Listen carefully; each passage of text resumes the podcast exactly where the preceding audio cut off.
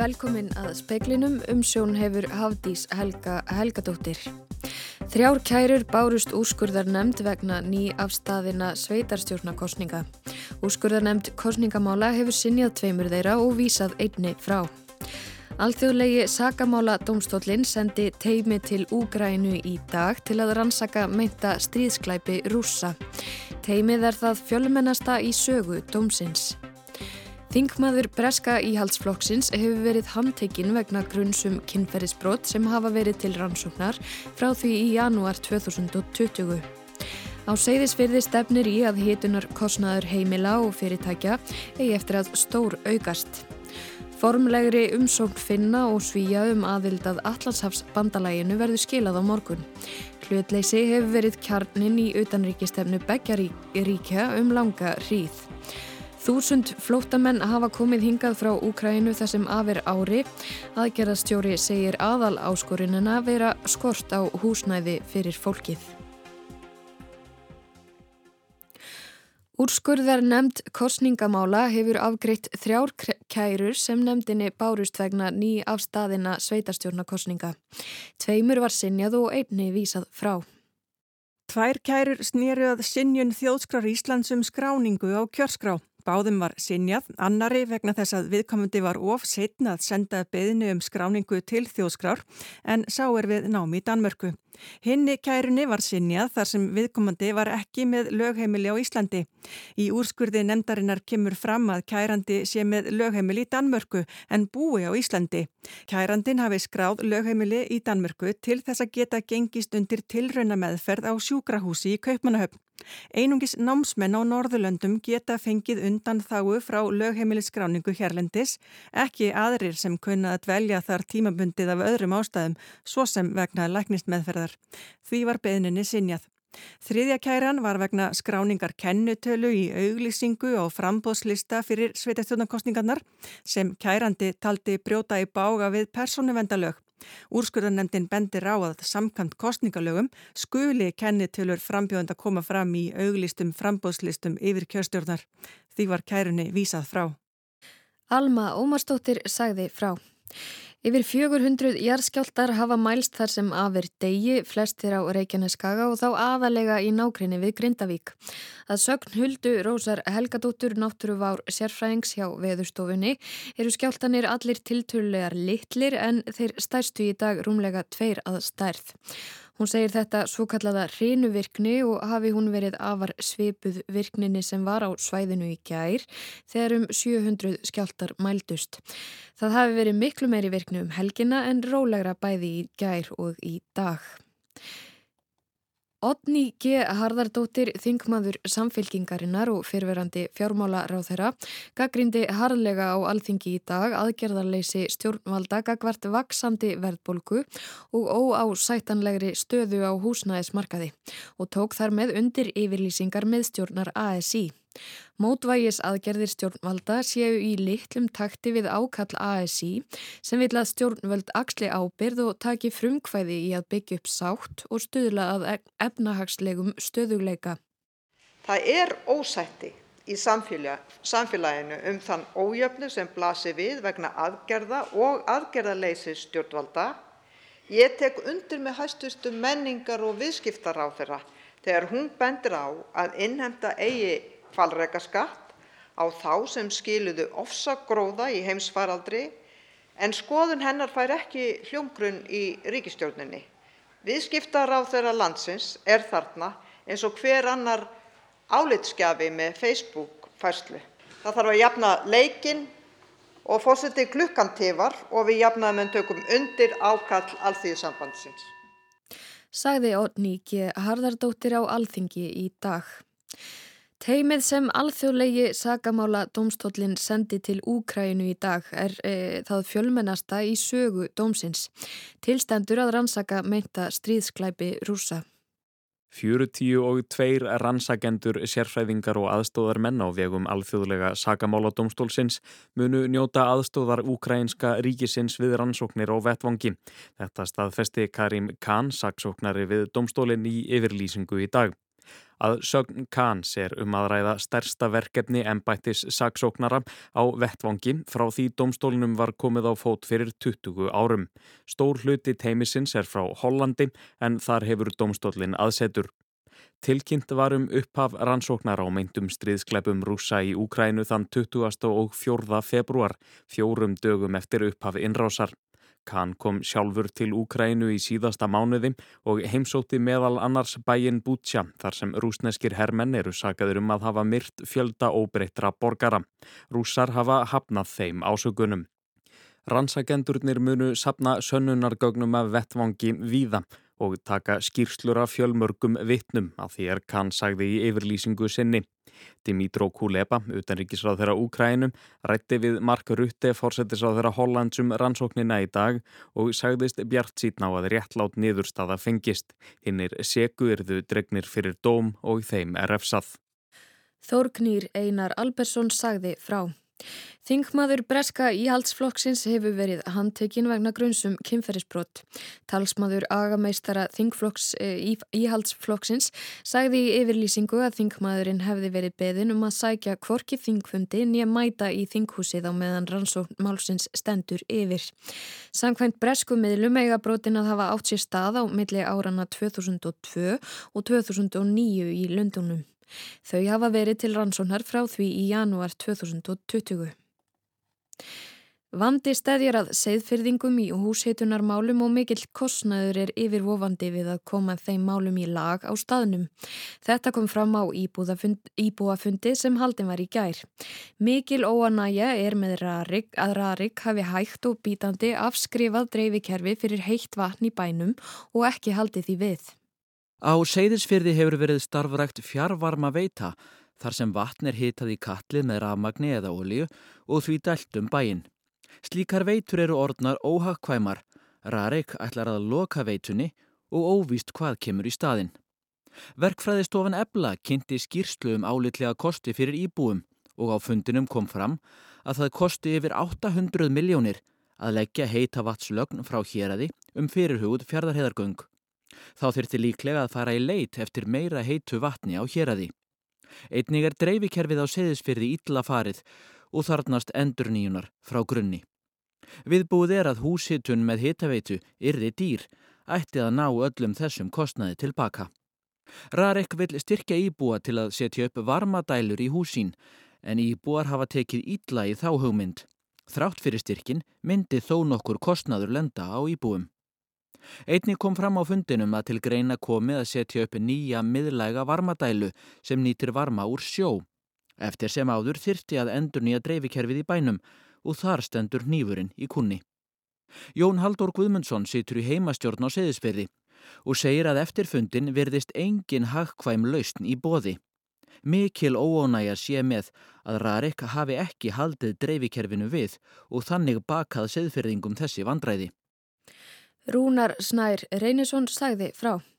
Þúsundir veitingastada í Breitlandi sem selja hérna vinsælu máltíð fish and chips, fisk og franskar, gæti þurft að loka vegna hækkandi verðs á sólblómaolju frá Úkrænu, aðfengum frá Rúslandi og Þorski frá Íslandi.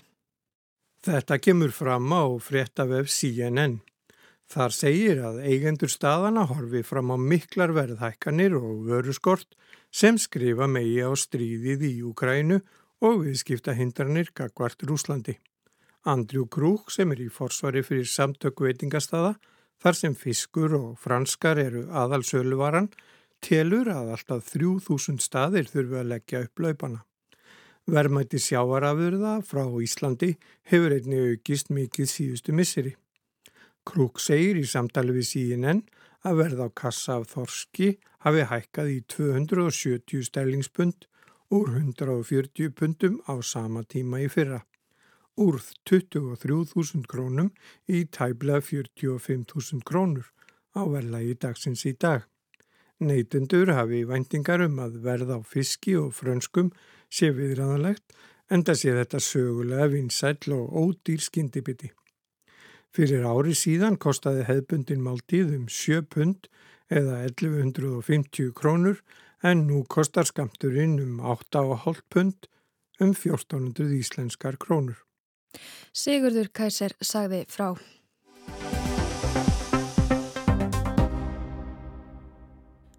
Finnar og svíjar standa á sögulegum krosskautum og sækja nú um aðild að Allandshafsbandalaginu eftir að hlutleysi hefur verið kjarnin í utanríkistefnu Beggjaríkja um langa hríð. Formlegri umsókn Beggjaríkja um aðild verður skilað á morgun. Sáli Nínestu, fórseti Finnlands og Magdalena Andersson, fórseti sér á þeirra svíþjóðar, fara saman til funda við Joe Biden, fórseta bandaríkin á fymtudaginn og þar ætla þau meðal annars að ræða um andstöðu Tyrkja við yngöngu þjóðana í Allandsrafsbandalæð. Finnar voru komnir skref og undan svíjum í þessu málum en nú ganga menn saman í takt.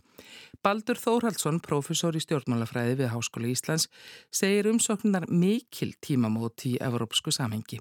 Ríkistjórnir í Finnlandi og Svíþjóð hafi vissulega fæst nær öðrum ríkjum í Vestur-Evrópu á undanförnum árum en hafi hikað við ingöngu í Evrópusambandið og Evrópubandalagi á sínum tíma því það hafi verið efnahagsarmur vestrætnar vartansaminu. En síðan smá saman þá byrjaðu þau að e, vinna nánar með Vestur-Evrópu öðru ríkjum í vestu við Európu að efnahagsmálum.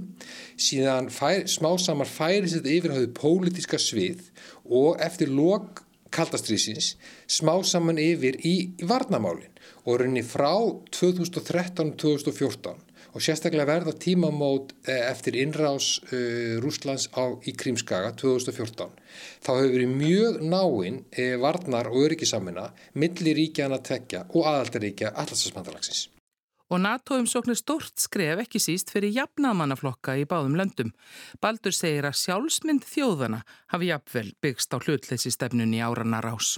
Skipa sér ekki fylkingar, reyna að miðla málum og auðvitaðrikstefna þeirra tók alveg miða þessu og, og gerir það að hluta til enn og ég held að þráttur að þessi ríki núna muni ganga í allarsasbandalægið, muni reyna að halda áfram góðu talsambandi við ráðabenni Kreml og sérstaklega verður það raunin að ég tel með Finnland sem vinast alltaf halda í ákveðið þokkalegt talsambandið Kreml þrátt fyrir þessa ákvörðun. Finnar hafa lagt sig fram um að rækta sambandi við stjórnarherra í Kreml. Nínist og saði morgun að hann hefði rætt við Vladimir Putin, fórsetar Úslands á laugadagum NATO aðeld Finna. Honum komið á óvart hver rólegur Putin var. Létt reyndar fljóta með að það gæti verið umhugsunarefni hvað það þýtti þegar Finni væri svo rólegur. Nínist og saði líka að bæði Finnar og rússar hefðu fyrrum talið það tryggja stöðuleika að Finnar væri utan hernabandalega. En þegar rússar reynda setja Finnum stólinn fyrir dittnar hefðu hlutinni breyst og eftir 24. februar þegar rússar réðustinn í Úkrænu hafi verið augljóst hvað Finnar þurft að gera. Já, það er mjög aðdeglisverð þróun sem bara eiga sér stað þessa klukkutímana að við sjáum hófstildæri viðbröð frá Pútin og öðrum ráðamörum í Kreml við þessari ákverðun ríkjana að sækjum aðeld að NATO. Þeir hafi verið, verið stórbarkalegar yfirlýsingar undanförnu vikum á mánuðum. Það er alveg nýtt sem er að koma bara þessa stundina frá Moskvu og eh, líklega kemur það til vegna þess að Kreml ræður ekki lengur fyrr.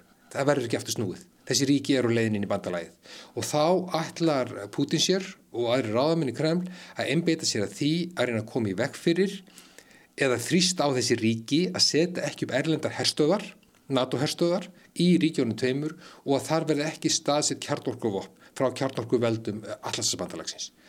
Og ég hugsa nú ef að maður mánu spá í spilin að það verði niðurstaðan að með yngöngu þessara þekkja ríkja í, í NATO verði einhvers konar ákvæði um að þessi ríki ætti ekki að setja, hafa erlenda herji, fasta viðveru, erlenda hersveita í ríkjónum, ekki verði settar upp NATO-herstöðar í þessum ríkjum og á fríðartímum eða bara almennt verði ekki staðsitt kjartorkuvapn í þessum ríkjum. Þannig verði mun ríkin reyna að koma móts við ráðamenn í Kreml. Aðildaríki NATO gætu hvert og eitt komið í veg fyrir yngangu finna og svíi bandalæð en þyrtu þá að beita formlegu neitunavaldi segi baldur. Öll ríki nema eitt hafi gefið vilirði fyrir yngangu. Yfirlýsingar Erdóans, fórseta Tyrkland sem Eva semtir hans og andstöðu hafi komið á óvart. Og hann hefur líst í yfir á síðustu dögum, hann ætli ekki að segja já við yngangu þeirra. En það þarf að skoða mjög vandlega það sem hann er að segja hann segist ekki að samþykja engungu þeirra. En það þýr ekki hann ætla að beita neitunum aldrei gegn engungu þeirra. Hann Tyrkland getur setið hjá þegar umsóknin, umsókninnar eru teknað til afgjörslu á leiðtóafundi NATO. Og það hindrar ekki að löndin gangi inn í sambandið. Það er eitt, númið tvö, ég held að Tyrklandsbásiti sé engum að reyna nota yngöngu þessara ríkja í sambandi eða umsokku þeirra um yngöngu í, sem bara svona vopn í samlingaviðræðum sínum við ríki NATO og Európa-sambandsins. Samlingaviðræðunum um það vopmasölubann sem þessi ríki settu á Tyrkland í kjölfar innrása Tyrkja á Kurda í Sýrlandi 2016 og svo eins og komið hefur fram í máli Erdogan þá er hann mjög í nöp raunin við stuðning Finnlands og Svíþjóðar við verkamannarflokk Kurda og, og Gulen leitu á svona stjórnaranstöðuhóps í Tyrklandi en stuðnismenn Gulens og flokksmenn verkamannarflokks Kurda hafa margir e, fengið pólitist hæli í Finnlandi og Svíþjóð og Tyrklandi er að krefjast framsal 21 þeirra. Þeir eru að nota þetta sem vopn í sinni baróttu og ég hefur enga trú á því að NATO-ríkin mun ekki beita Tyrklandi þannig þrýstingi að Tyrkin munu ekki beita neitunumvaldi þegar reynir. Baldur telur að inganga Finnlands og Svíþjóðar í NATO íti enn frekar undir samstaf Norðurlanda í öryggis og varnamálum en betur eigi eftir að koma í ljós á hvaða vettvangi það verður og hvernig samflóti til dæmis við Eistarsaltsríkin verði hátað. Allt gerist þetta í skugga innrásarinnar í Úkrænu og hverki fjöður yfir það dregin. Þrátt fyrir að stríðsrekstur russa hafi dregist á langin og þeim er einst erfitt að ná völdum í austur hér um Úkrænu og strandlinginu í söðri er ekki útlitt fyrir að bardögum linni í bráð.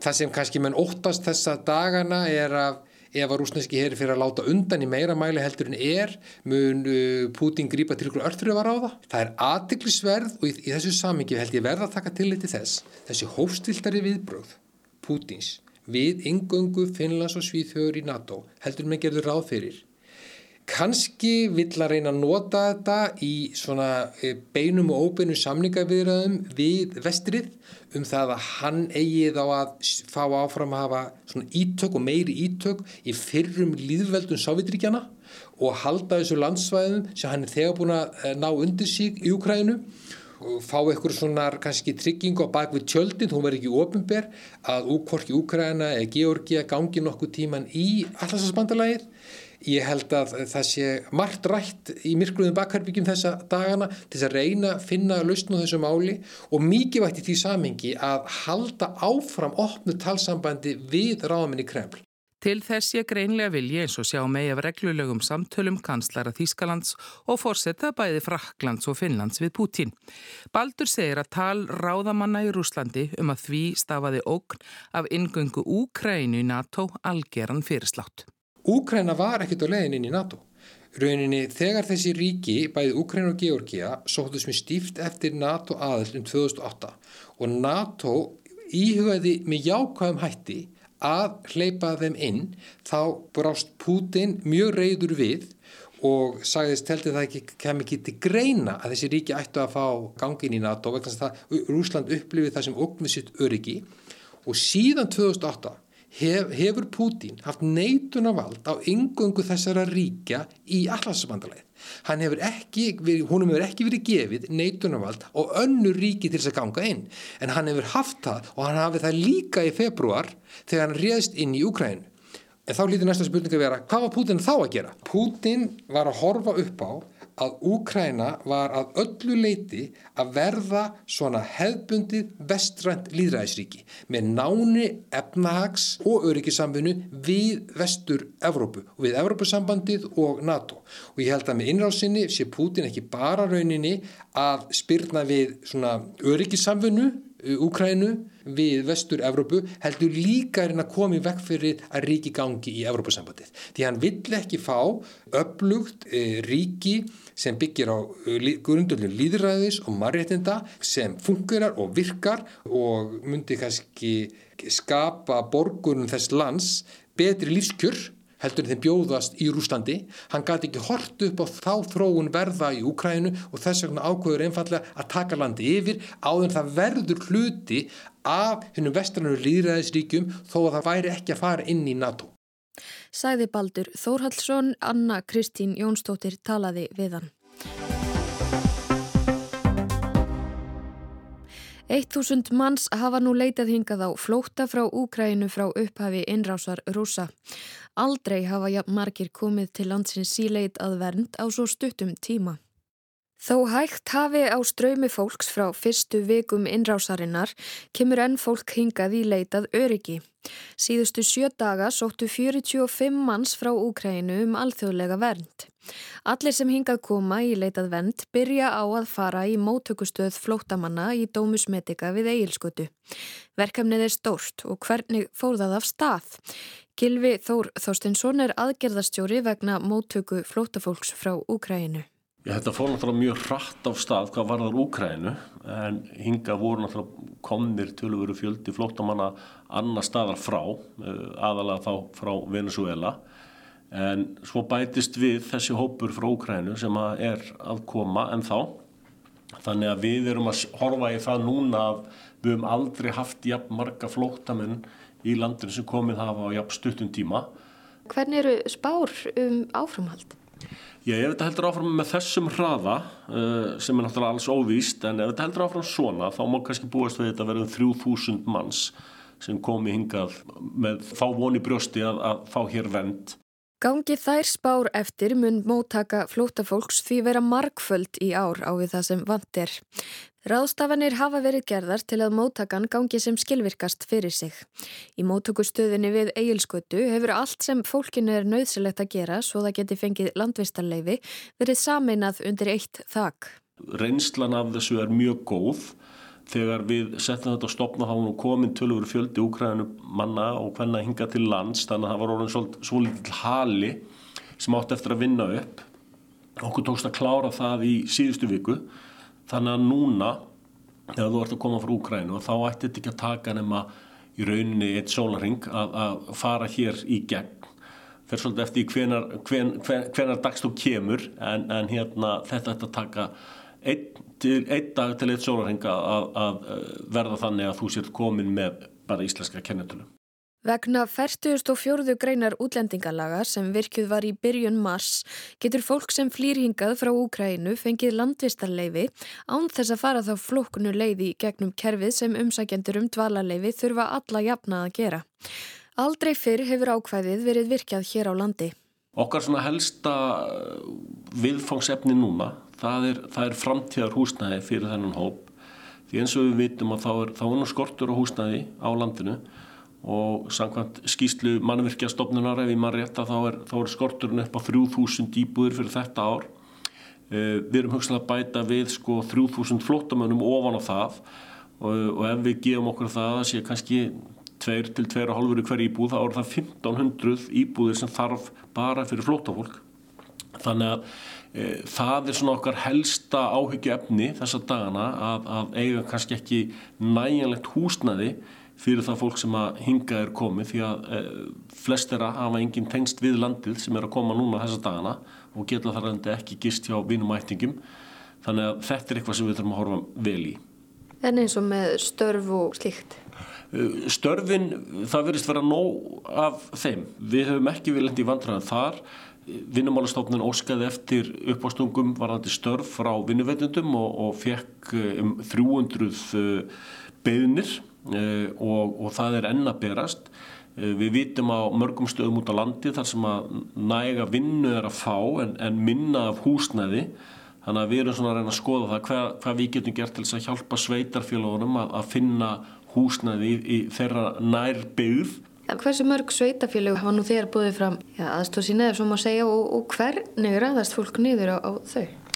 Það eru í gildi samningar við nokkur sveitafélög og mesti þungin hefur verið á þeim undanfæran ár, svo sem eins og hér á höfuborgarsvæðinu, Árborg og, og flerum.